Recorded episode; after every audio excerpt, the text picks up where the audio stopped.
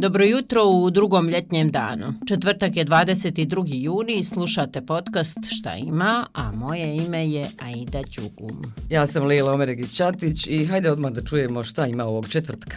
One, two, three, Premijer Mađarske Viktor Orban danas je u službenoj posjeti Bosni i Hercegovini. Prvo boravi u Sarajevu, a u petak bi trebao posjetiti Banja Luku, gdje će se sastati sa političkim predstavnicima tog BH entiteta. Orbana će u Sarajevu dočekati predsjedavajuća vijeća ministara BiH Borjana Krišto, a planiran je sastanak Orbana sa članovima rukovodstva oba doma državnog parlamenta te sa članovima predsjedništva. Također je najavljeni susret Mađarske i BH delegacije. Orbanovu posjetu najavio je i predsjednik Republike Srpske Milorad Dodik, a inače mađarski premijer obišao je ovih dana i zemlje Zapadnog Balkana, Srbiju, Crnu Goru i Albaniju.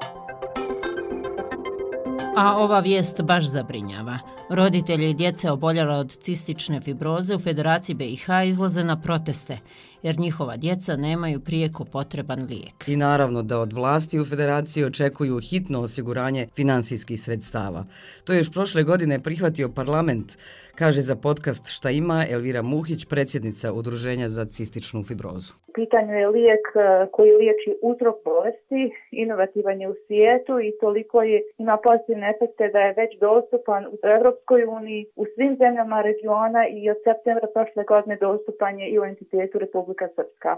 Dakle, samo su djeca u Federaciji Bosne i Hercegovine diskriminisani upravo iz razloga evo što žive u federaciji. Mi rješenja ovog problema čekamo skoro punih godinu dana. Ne možemo čekati, u pitanju je lijek koji se mora početi koristiti čim prije. Svako oštećenje organizma po povećava šanse za kontraindikacije za implementaciju ovog lijeka. Djeca oboljela od cistične fibroze kojih u Federaciji BiH ima 28 mjesecima čekaju na lijek Kaftrio a godišnja terapija za jednog pacijenta u ovom trenutku košta 250.000 eura.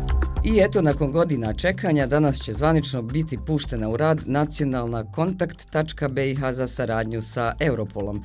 A inače, BiH je do sad bila jedina država Zapadnog Balkana bez te vrste saradnje sa Europolom. Jeste, važno je to da kažemo da će kontakt tačka biti smještena u Ministarstvu sigurnosti, jer upravo je lokacija dugo bila problem za vlasti u Bosni i Hercegovini. Iz Republike Srpske nisu željeli da bude smještena u Direkciji za koordinaciju policijskih tijela, jer to po njihovom svatanju nije nadležnost direkcije. I eto, našli su je, a kontakt tačka za saradnju sa Europolom znači korak naprijed u borbi protiv organizovanog kriminala i terorizma. Ozbilja nam je ovaj četvrtak, pa ću tako da najavi malo lepršavi sadržaj. Mm -hmm. Počinje Međunarodni festival folklora u Sarajevu i trajaće četiri dana. Super, super, bit će šareno i razigrano. Perma je linđo, dobro je bilo. Dolaze društva iz BiH, Srbije, Crne Gore, Sjeverne Makedonije, a festival počinje defileom na Vilsonovom šetalištu. Inače, ovaj festival folklora prvi put je održan u augustu prošle godine kada je došlo više od 300 učesnika. Lijepo je gledati djevojke i mladiće kako plešu u nošnjama, iako ja ne znam igrati niti jedno kolo. Pa eto, odog da učim da se ja malo pridružim njima. Ajde ti uči, ja odog na bazen da se malo rasladim. Hajde, čao. Ćao.